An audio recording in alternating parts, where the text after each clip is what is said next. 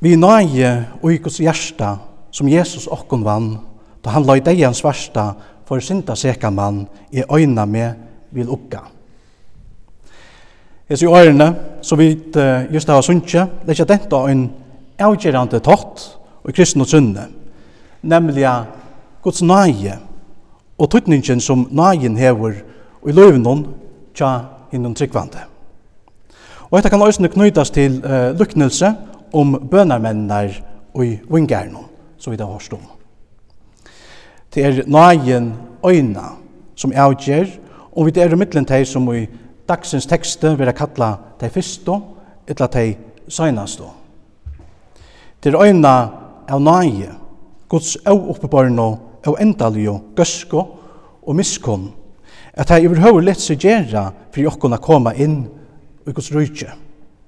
Lukka mykje hvordan vi tar vært som menneskje, så er hekta korsene galdande for øynekvenn av okkom.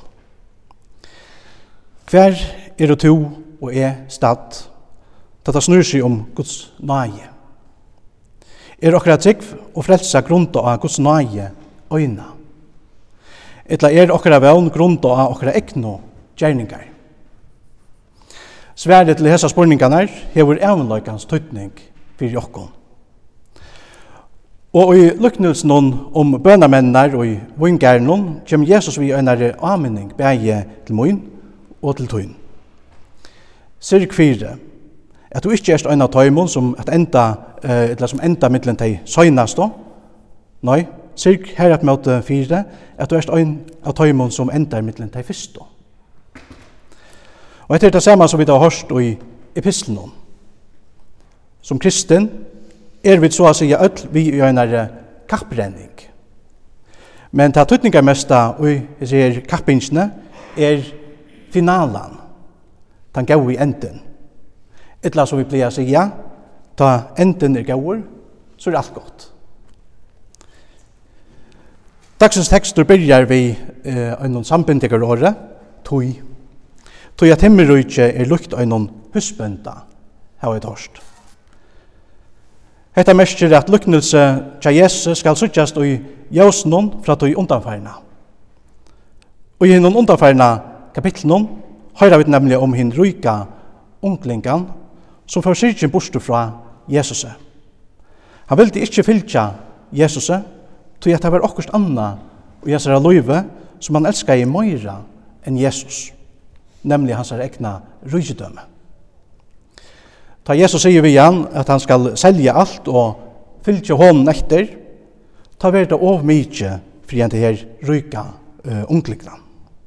Han får syrkjen bostor fra Jesus, tog at hans hjärsta var bonte møyra til rykjedøme enn til sjálvan Jesus. At han har hese hendingsene er det Petur uh, stod fram og sier vi Jesus, Sui, vit hava ivergivi alt og fyllt det her. Kvart verður ta ok okkara lotor, sier Petter. Vi øren åren, sier Petter, at det som hin rujtje unglingen ikkje hei mekna, det hei Petter korsene mekna. Jesus han har sagt vi hin rujka unglingen at han skulle øya ein dyran grip heima i himle. Og man seldi atla sina ogn og fyllte i hånden etter. Og Petter han hoksa nu at han øyva øyra en dyran grip og himle. Så gjerne han var vilje til å gjøre det, som hinn rujtje onklingen ikke ville gjøre. Petter følger jo bare fra Bakte og Gøtnon, og valgte jo stegen at uh, fylgja Jesus etter, som øyn av hans herre lærersvøgn.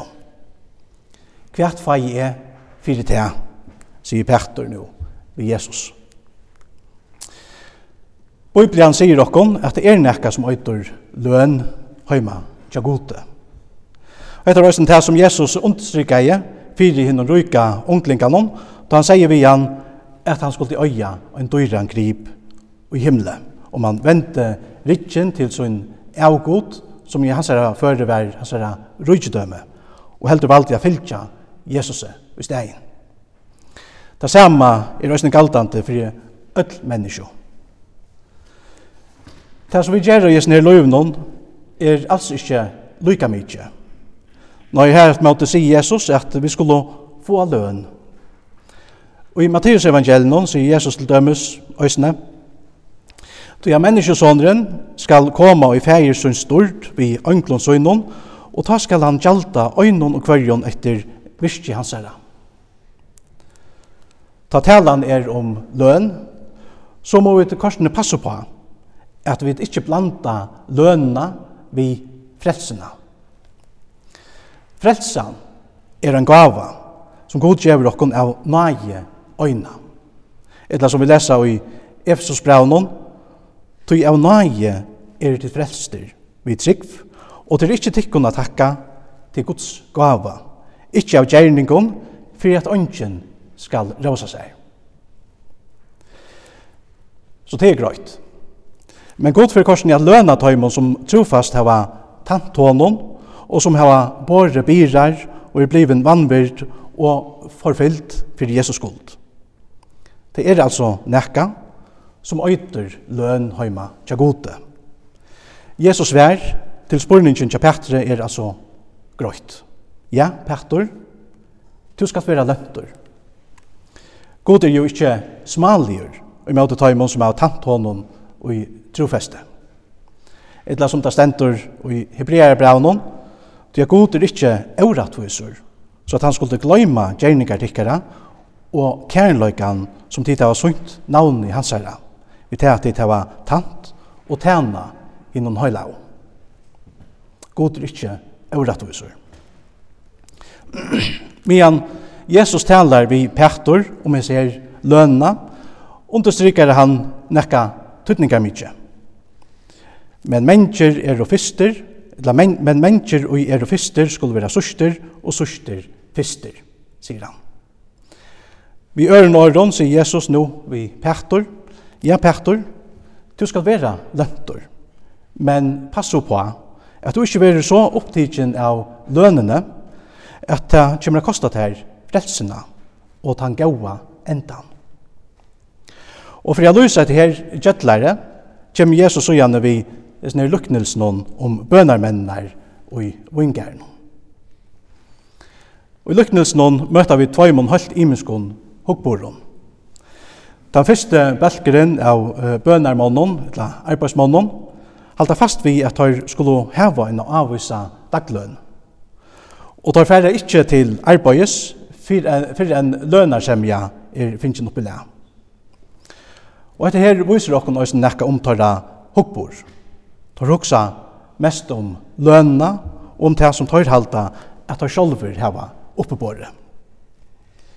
Hinner bønarmenner kommer her med at det ikke vi nøkron avvison lønarkreve til vinkarsherran.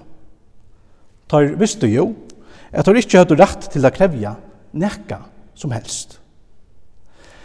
Men til nemlig heser som ikke kunne krevja nekka som helst, som vera holdt offerner av gavvildene tja vinkars herranon. Heser her som var satter som tar søgnast om.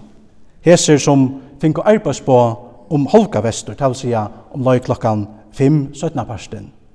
Heser som visste at tar ikkje høyde rett til å krevja nekka som helst.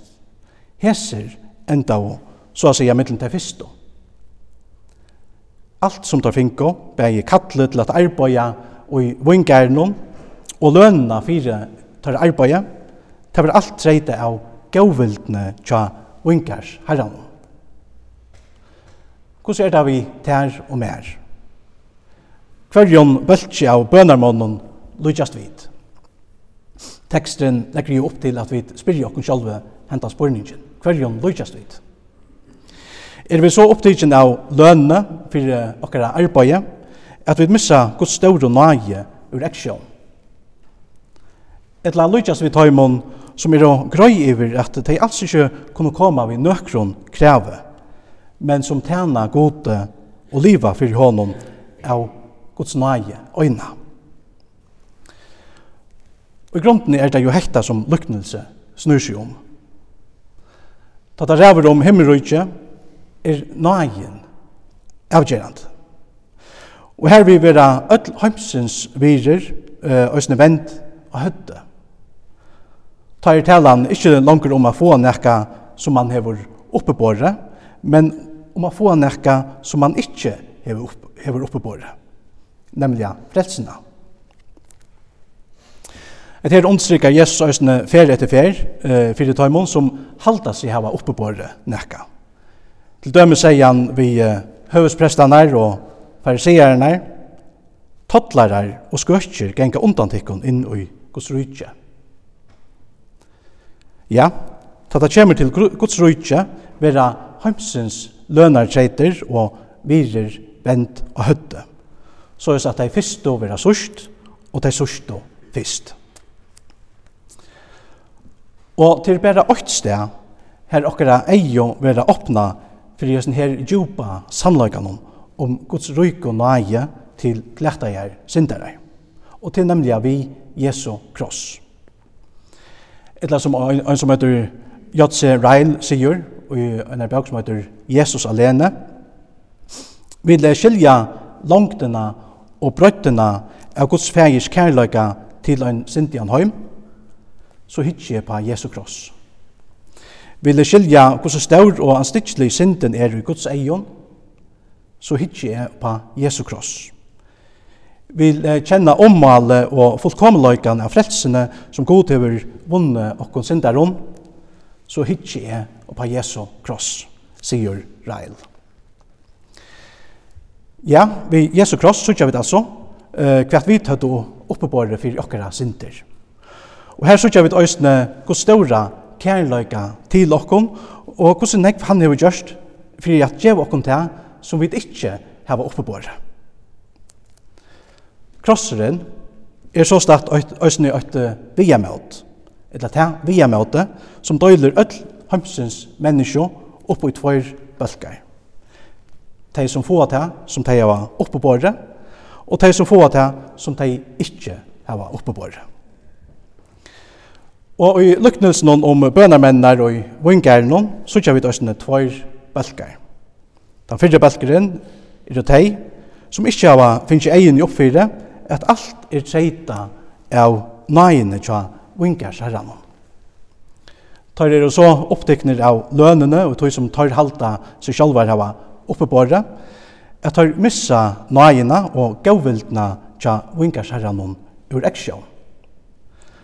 Og luknelse legger opp til at vi ikke skulle lykjast hesson bønarmånen. Herren ikke jo eimjukar tænare, tænare som er offarner av herrans gauvild. Men det er trobult at gjøre teg offaren som langt og halta seg av oppebore alt det som teg foa.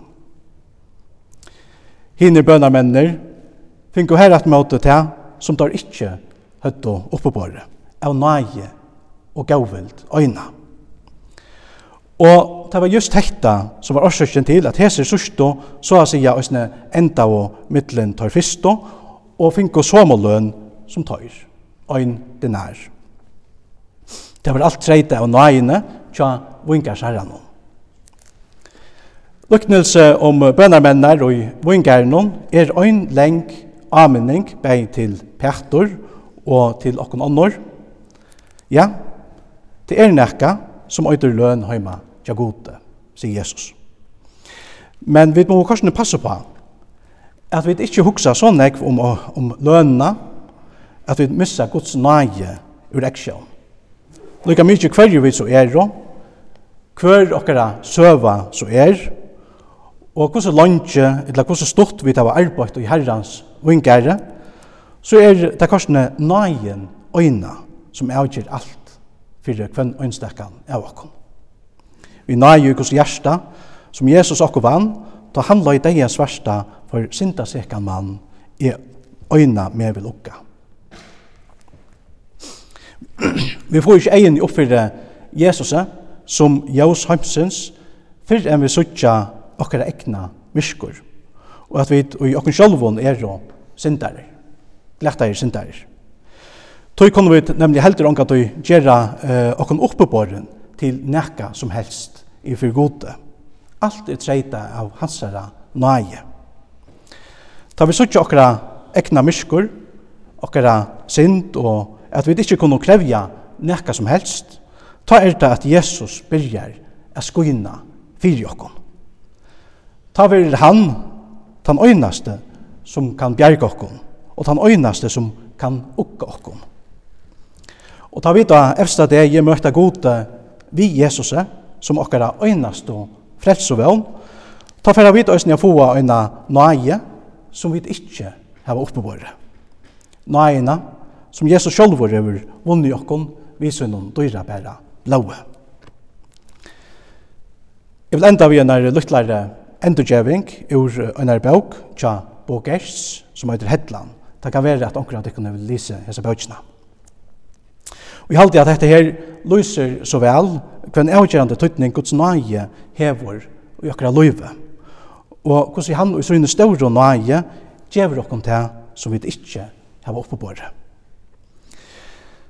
I bøkene leser vi med til Anna at hjelperpresteren Savonius blir sendt til en gamlan dødjande mann.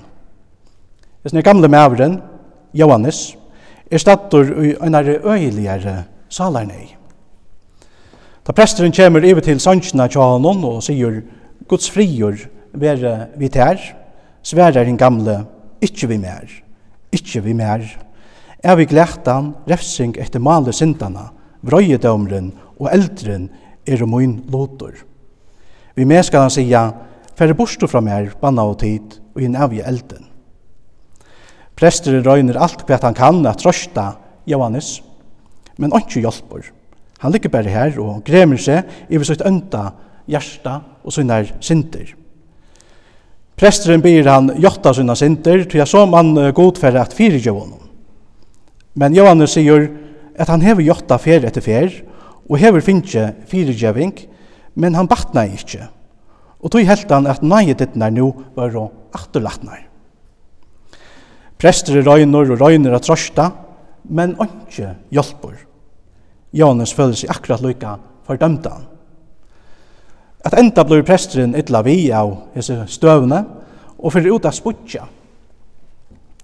Mian han stender her utanfyrre, kommer en kona, Katrina Philip, til han og spyr om Johannes Lonko er deir, og presteren sier som er.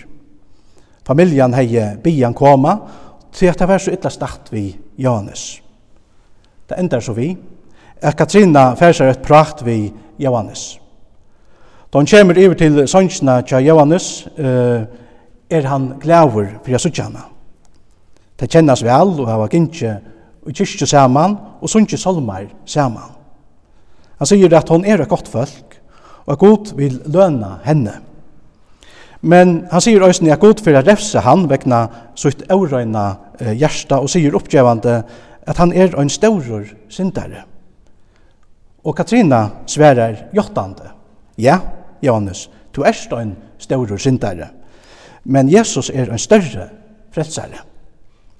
Johannes grenjar to vujer og sier at han hever et eurant hjärsta og en øndan ho. Lekta sverar Katrina at Jesus ikkje er komna kalla rattvisar, men syndare. Johannes sier at han manglar iran og omvending. Og Katrina sverar at det er ikke det som han manglar, men trygg.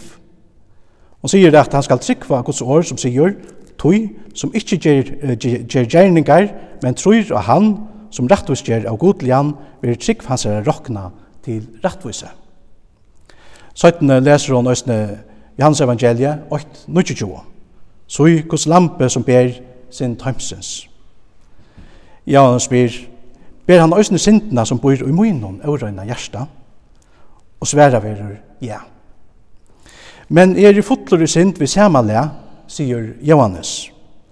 Og Katrina sværar, ja, så vurs som Paulus òsne var fotlur i synd. Hef du ångat du leser i årene, du at jeg veit at ikkje bor nekka godt i mer, ta er i holde munnen, du at vilja er mer åndsje, men at utinna hitt gaua er i ikkje mentor. Ja, så la oss er teska jeg Johannes. Til sørst sier Johannes, Oit anna år at rett, Katrina. Oit mått mykje år, og jeg trykker oi. Og så pleier jeg nok på i Bibelen og les Rammerbravet 3, 23 og 24. Til at öll heva sinta og ta imom vantar gods høyur og ta vera rettvistgjørt fyrir ønske av nai hansara vi endurløysingsne som er og i Kristi Jesus. Og så gjerne fikk Johannes salarfri. Og det skal jeg, amen, jeg trykker. Om du uh, grunder til en trygg og frelse av Guds nage øyne, så kan du også lytte av at du lusker i ferd en gauan enda. Så det er at du òsne først salarfri, og òsne kan sia lukka som Johannes. Amen. Jeg trykker. Og ta kan du også sige lukka som Paulus sier ut i sørste brevnån som han skriva i Arne har vært tidsen av døvun vekna sina trygg. Jeg har strukt et gaua strøye, har fullrunde skøye, har varvått trunna. Og nå ligger rettlettes kranseren gøymtur til moin som Herren skal djeva mer av hinnom deie. Hette er tan gaua enden. Og som sagt, ta enden er gaur, er alt godt.